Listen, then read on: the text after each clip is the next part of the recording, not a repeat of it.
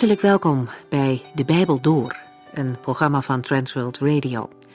De Bijbel Door is een radioserie die u in vijf jaar meeneemt door de hele Bijbel. Van Genesis 1 tot Openbaring 22.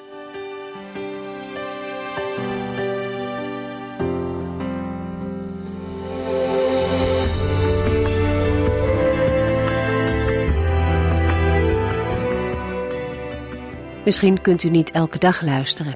En daar heeft Transworld Radio een mooie oplossing voor. Kijkt u dan op onze website transworldradio.nl. Onder het kopje Luister aan de rechterbovenkant komt u bij de Bijbel door. Vandaag lezen we een gedeelte uit 1 Timotheus. In hoofdstuk 2 begint Paulus over het bidden om dan door te gaan op de verschillende plaatsen die man en vrouw in de gemeente innemen. Allereerst wijst de apostel erop dat het belangrijk is om volhardend te bidden voor de overheid. Juist de apostel Paulus schrijft dit.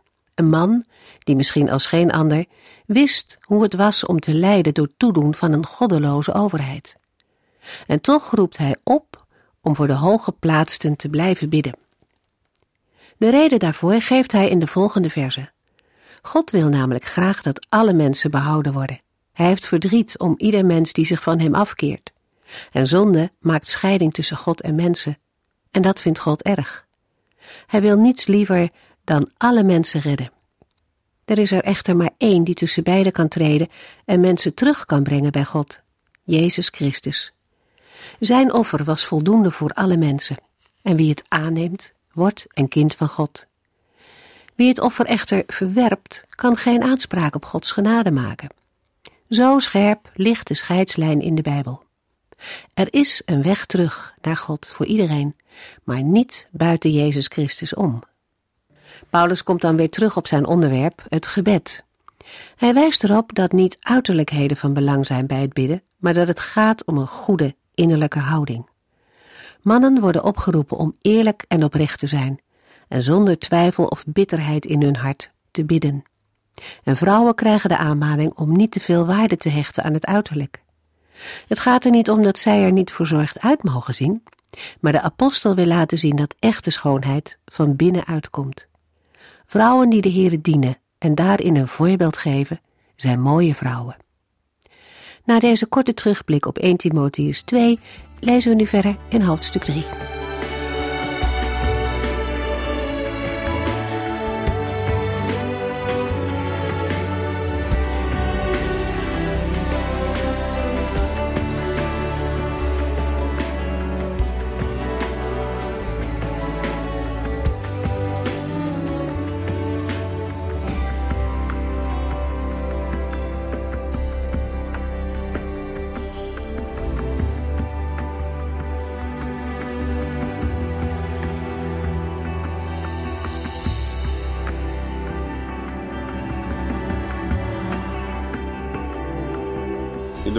Uitzending is de apostel aan het slot van hoofdstuk 2 ingegaan op de taak en positie van de vrouw in de gemeente van Christus. Hoewel 1 Timotheus 3 begint met: Dit is belangrijk om te onthouden, is het ook mogelijk dat deze uitdrukking de afsluiting en bekrachtiging vormt van het vorige gedeelte in 1 Timotheus 2 over de taak en positie van de vrouw. 1 Timotheus 3, vers 1. Dit is belangrijk om te onthouden. Als iemand graag een leidende rol in de gemeente wil hebben, is dat een goed verlangen. Voor de woorden een leidende rol staat in de Griekse tekst het opzienersambt of opziener. Het Griekse woord voor opziener, episkopos, is in de loop van de eeuwen verbasterd tot bisschop. En daarmee is de oorspronkelijke betekenis geweld aangedaan. Uit de Griekse tekst van Titus 1 blijkt dat met oudsten en opzieners dezelfde mensen worden bedoeld. Handelingen 20 vers 28 maakt ons duidelijk dat er in de gemeente van Efeze verscheidene herders of opzieners waren. Er is in de Bijbel geen ambt van bisschop aanwijsbaar, boven de ambten van opzieners of oudsten en diakenen. De Heilige Geest stelt mensen tot opziener of leider aan, zoals Paulus door God was aangesteld tot apostel. Maar in de praktijk werden de leiders, opzieners of oudsten, bijvoorbeeld door Paulus of iemand van zijn medewerkers, aangewezen. Ook werden zij onder bidden en vasten aan de Here opgedragen. Uit vers 1 blijkt dat de Heilige Geest in het hart van de betreffende broeder ook het verlangen naar deze bediening bewerkt. Om te kunnen toetsen of dit verlangen door de Heilige Geest is bewerkt, of dat het gaat om jagen naar eigen eer, heeft Paulus in het volgende gedeelte een aantal voorwaarden of richtlijnen genoemd waaraan een leider of opziener moet voldoen. 1 Timotheus 3, vers 2. Wel, zo'n leider moet een goed man zijn en op zijn leven mag niets aan te merken zijn. Hij mag maar één vrouw hebben en moet beheerst, attent en ordelijk zijn. Hij moet het fijn vinden om gasten te ontvangen en goed onderwijs kunnen geven. Op het gedrag of het karakter van een opziener of leider mag niets aan te merken zijn. Hij moet onbesproken zijn.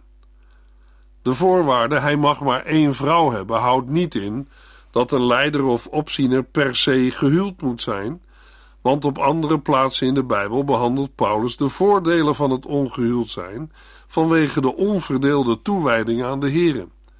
Trouwens, Paulus was zelf ook ongehuwd. De genoemde voorwaarde gaat uit van de normale situatie waarin de meeste gelovigen gehuwd waren en vraagt om huwelijkstrouw. Binnen de Griekse wereld was het in de betere kringen niet ongebruikelijk dat een man naast zijn wettige echtgenote een concubine had. Dit was zelfs maatschappelijk aanvaard. Binnen de christelijke gemeente was het onaanvaardbaar. De uitdrukking hij mag maar één vrouw hebben slaat niet alleen op de genoemde categorie. Ook hoererij en hertrouwen na echtscheiding zijn in tegenspraak met deze voorwaarden. In vroege eeuwen heeft men op grond van deze tekst wel het hertrouwen van een leider of opziener na het overlijden van zijn eerste vrouw afgekeurd. In verband met de overige uitspraken van Paulus over de vrijheid van hertrouwen na het overlijden van een eerste vrouw en zijn bevel aan de jonge weduwen om te huwen, moeten we concluderen dat dit onjuist is. Een opziener of leider moet beheerst, attent en ordelijk zijn. Andere onmisbare duidingen zijn: hij moet nuchter, bezadigd en beschaafd zijn. Met nuchterheid wordt geen verstandigheid of ongevoeligheid bedoeld, maar waakzaamheid. Bij bezadigd, beheerst of verstandig gaat het om de gave zichzelf te beperken en te matigen. Gastvrijheid is een van de meest gewaardeerde oud-testamentische deugden.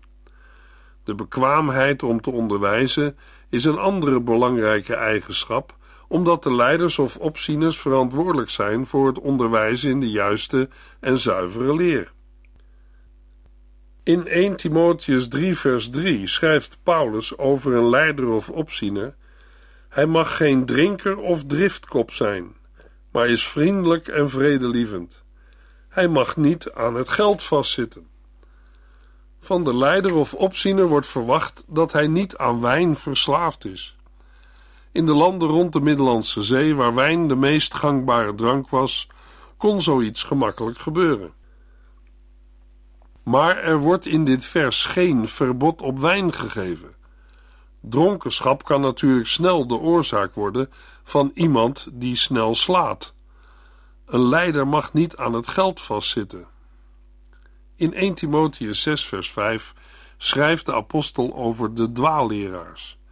Deze ruziezoekers hebben een zieke geest. Zij weten niet meer wat de waarheid is.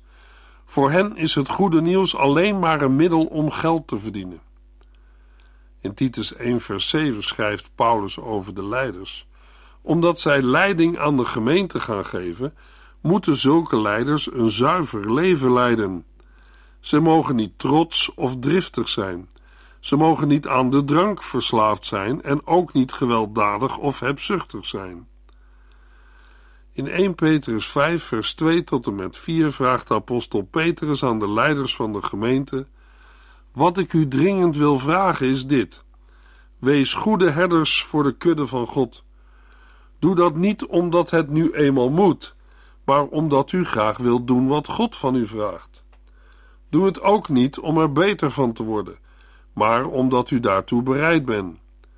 Probeer niet de baas te spelen over mensen die u zijn toevertrouwd, maar wees een voorbeeld voor hen. Dan zal de opperherder u voor altijd laten delen in zijn heerlijkheid en eer.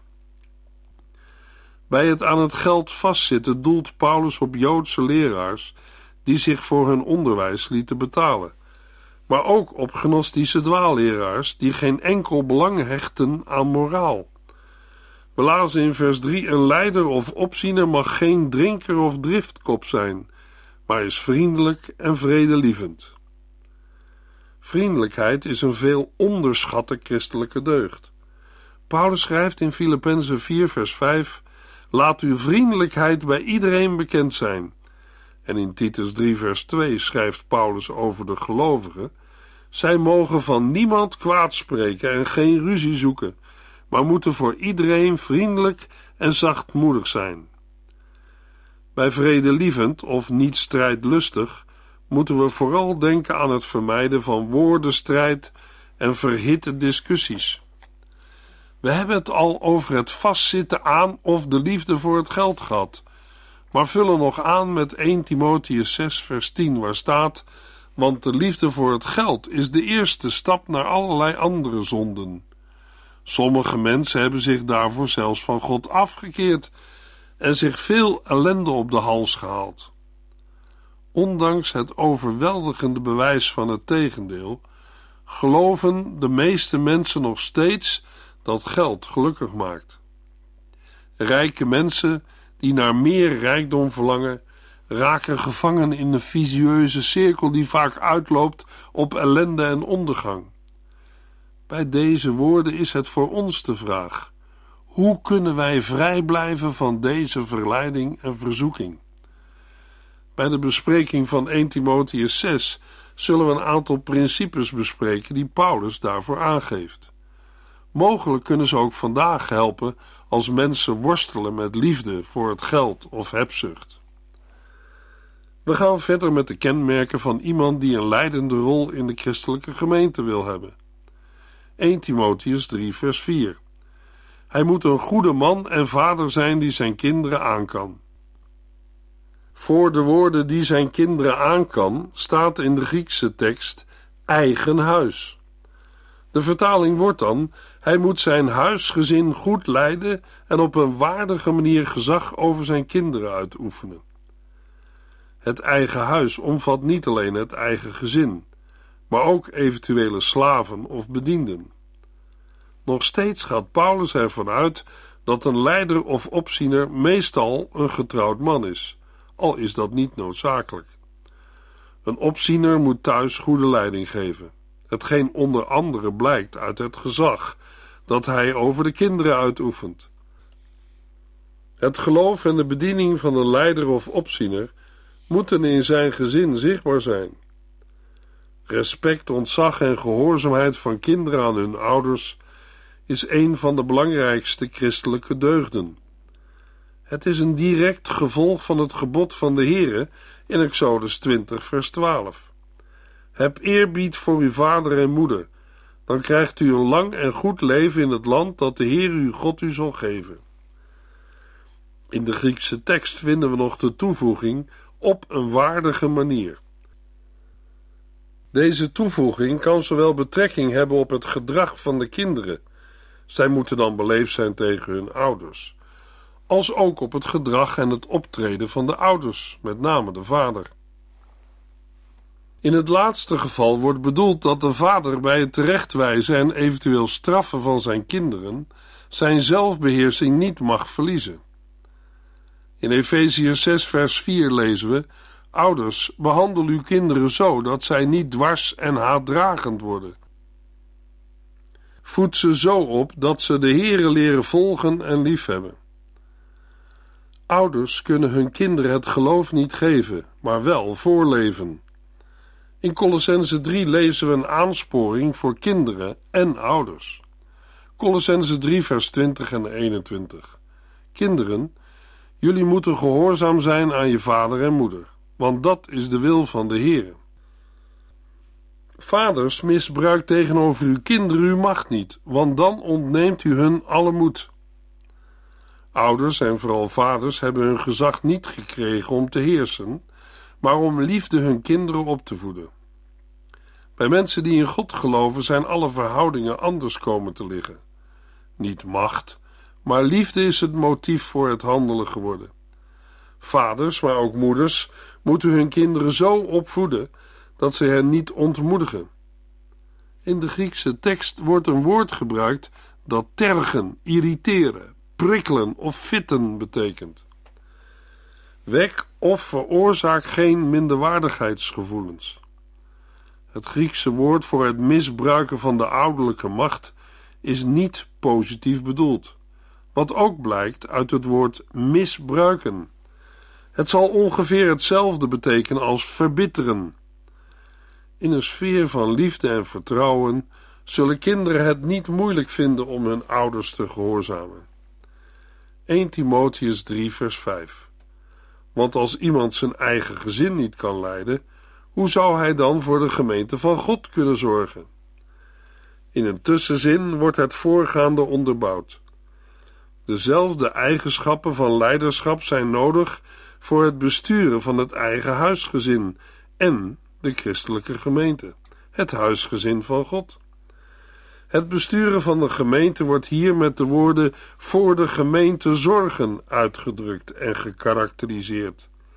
Het gaat niet om heersen, maar om het hoeden van de kudde van de Heere, de gemeente van God. In 1 Petrus 5, vers 2 en 3 lezen we: Wat ik u dringend wil vragen is dit: Wees goede herders voor de kudde van God. Doe dat niet omdat het nu eenmaal moet, maar omdat u graag wilt doen wat God van u vraagt. Doe het ook niet om er beter van te worden, maar omdat u daartoe bereid bent. Probeer niet de baas te spelen over mensen die u zijn toevertrouwd, maar wees een voorbeeld voor hen. Uit de woorden van 1 Timotheus 3, vers 5 valt ook af te leiden dat de zorg voor de gemeente bij een leider of opziener niet ten koste mag gaan van het leiding geven aan zijn gezin. Overigens wordt in de gemeente van de gemeenteleden onderdanigheid en gehoorzaamheid aan de leider of opziener verwacht, net zoals in een gezin de kinderen naar de vader en moeder moeten luisteren. 1 Timotheus 3 vers 6 Een leider in de gemeente mag niet iemand zijn die nog maar pas christen is, omdat hij dan wel eens verwaand zou kunnen worden en onder hetzelfde oordeel valt als de duivel. De voorwaarde dat een leider in de gemeente niet iemand mag zijn die nog maar pas christen is, slaat niet op de leeftijd van de aankomende leider of opziener, maar op zijn geestelijke rijpheid. Een pas bekeerde loopt een verhoogd risico wanneer hem een grote verantwoordelijkheid wordt toevertrouwd. Hij zal de hem toevertrouwde taak kunnen opvatten als een persoonlijke erezaak en daardoor trots en hoogmoedig kunnen worden. Ook al kunnen pas bekeerden een groot enthousiasme hebben, zij missen geestelijke rijpheid en geloofservaring. Het is daarom verstandig dat zo iemand nog een paar jaar wacht. Bij de woorden hij valt onder hetzelfde oordeel als de duivel, kunnen we denken aan een pas bekeerde leider in de gemeente die in dezelfde zonde valt als de duivel en dan ook hetzelfde oordeel zal overkomen als de duivel, namelijk hij wordt gegooid in de poel des vuurs, vanwege zijn trots en hoogmoed. De duivel zelf heeft geen bevoegdheid tot oordelen, maar hij kan wel tot zonde brengen en aanklagen bij de Heer. In 1 Timotheus 3 vers 7 wordt over een leider of opziener gezegd hij moet ook een goede reputatie hebben bij de mensen die niet tot de gemeente behoren. Anders zou hij door allerlei beschuldigingen in een val van de duivel kunnen lopen. Een kandidaat opziener of leider moet niet alleen aan bepaalde criteria voldoen die door de gemeenteleden worden opgemerkt, maar ook buiten de kring van de gemeente moet hij goed bekend staan. Vanzelfsprekend gaat het dan alleen om het leven na zijn bekering, want anders had Paulus ook geen apostel kunnen worden. In 1 Corinthians 6 lezen we over mensen die buiten het koninkrijk van God staan. Daarna schrijft de apostel in vers 11: Sommigen van u zijn vroeger ook zo geweest. U bent nu schoongewassen en voor God afgezonderd. U bent onschuldig verklaard in de naam van de Heer Jezus Christus en door de geest van onze God. Al eerder lazen we in 1 Timotheus 1, vers 12 tot en met 14 wat Paulus over zichzelf schrijft. Wat ben ik dankbaar dat onze Heer Jezus Christus mij heeft uitgekozen om een van zijn boodschappers te zijn, en dat Hij mij de kracht geeft hem trouw te blijven, hoewel ik vroeger zelfs de naam van Christus bespot heb. Ik heb zijn gemeente vervolgd en deze kwaad gedaan zoveel ik kon. Maar God heeft zich over mij ontfermd, omdat ik niet wist wat ik deed. Ik kende Christus toen nog niet. Wat is de Heere goed voor mij geweest? Hij heeft mij het geloof in Christus Jezus gegeven en mij vervuld van diens liefde. In 1 Timotheus 3 vers 7 gaat het niet om leugenachtige laster, die dikwijls op de gelovigen werd gericht, maar om al die vormen van gedrag die de ongelovigen aanleiding geven tot laster. Paulus zelf was in dit opzicht uiterst correct en hij vermaande de gelovigen dikwijls om geen aanleiding te geven tot kwade vermoedens en laster. In 2 Corinthians 8, vers 20 en 21 schrijft de apostel met betrekking tot het wegbrengen van een collecte: Door samen te reizen nemen hij en ik elk wantrouwen weg. Want wij willen in geen geval dat iemand iets kan aanmerken op de manier waarop wij deze grote bedragen beheren. God weet dat wij eerlijk zijn, maar wij vinden dat alle mensen dat ook moeten weten. Daarom hebben wij het een en ander zo geregeld. Wanneer een leider of opziener door zijn gedrag laster veroorzaakt, heeft hij niet alleen zichzelf benadeeld, maar de hele gemeente, waarvan hij de vertegenwoordiger is. De val van de duivel kan zowel betekenen de val waarin de duivel zelf viel, namelijk hoogmoed, als ook een valstrik die de duivel uitzet voor een gelovige. De nauwe verbinding met een goede reputatie hebben pleit voor de tweede betekenis. Iemand die in opspraak is, kan heel gemakkelijk in de val van de duivel stappen door een verkeerde houding.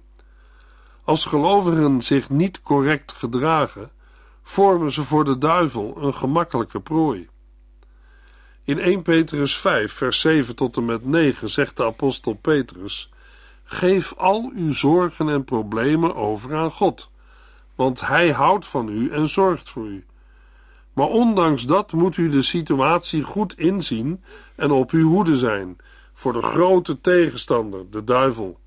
Hij gaat rond als een brullende leeuw op zoek naar een prooi om te verslinden.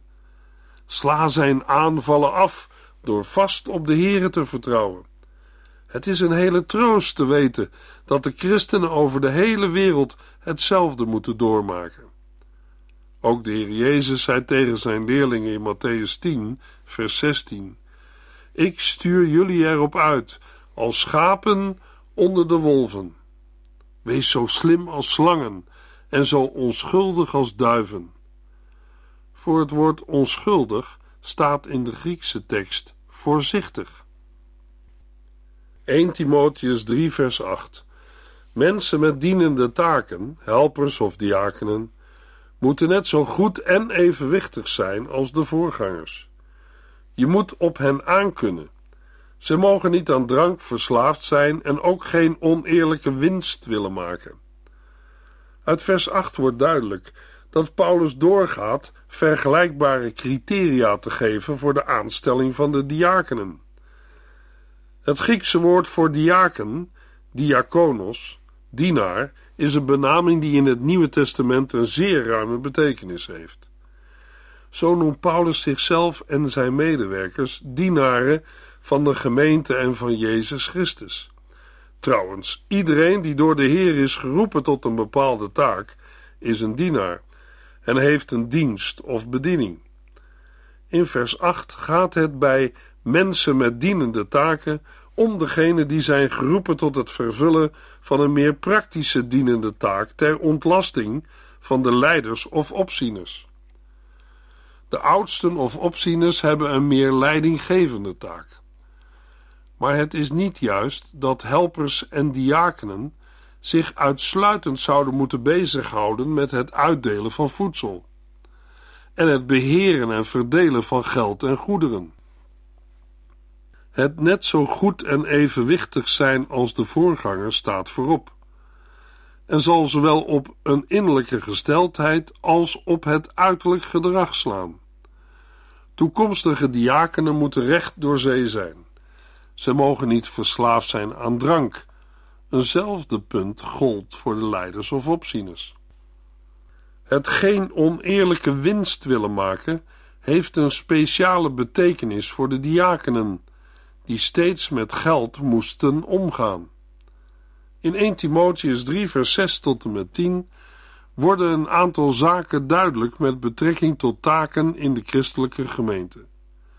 Jonge christenen moeten zeker en sterk in het geloof worden, alvorens een leidende taak in de gemeente te kunnen vervullen. Maar al te vaak plaatst een kerk of gemeente uit gebrek aan mankracht jonge gelovigen op verantwoordelijke posities die zij nog niet aankunnen. Een jong gelovige moet de toets van de tijd doorstaan om te groeien naar volwassenheid. Jonge gelovigen hebben hun aandeel in het werk van de gemeente, maar kunnen pas leiders worden als ze een stabiel christenleven hebben ontwikkeld. De taak of het ambt van diaken werd ingesteld door de apostelen in de christengemeente van Jeruzalem voor de materiële zorg in de gemeente, vooral aan de Grieks sprekende weduwen. Diakenen horen ook bij de leiding van de christelijke gemeente en ook zij moeten aan soortgelijke voorwaarden voldoen als de leiders of opzieners. In de volgende uitzending lezen we verder in 1 Timotheus 3.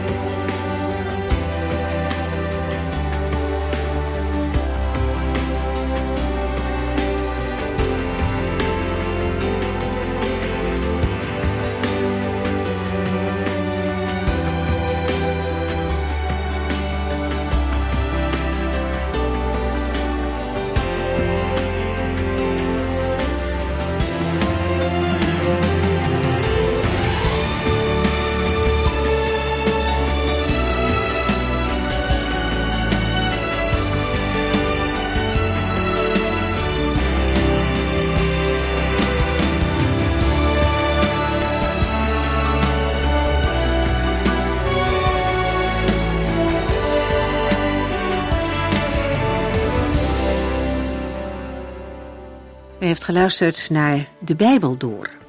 In het Nederlands vertaald en bewerkt door Transworld Radio. Een programma waarin we in vijf jaar tijd de hele Bijbel doorgaan. Als u wilt reageren op deze uitzending of u heeft vragen, dan kunt u contact met ons opnemen. Tijdens kantooruren kunt u bellen op 0342 47 8432. 0342 47 8432. 32. Ook kunt u een e-mail sturen naar de Bijbel door transworldradio.nl en natuurlijk kunt u ook via de post ons bereiken. TWR, postbus 371, postcode 3770, AJ in Barneveld. Dit programma werd gepresenteerd door Cor Weda en Ike André. Techniek was in handen van Odin van Woerdekom. En wij allemaal bedanken u voor het luisteren. Graag tot de volgende keer.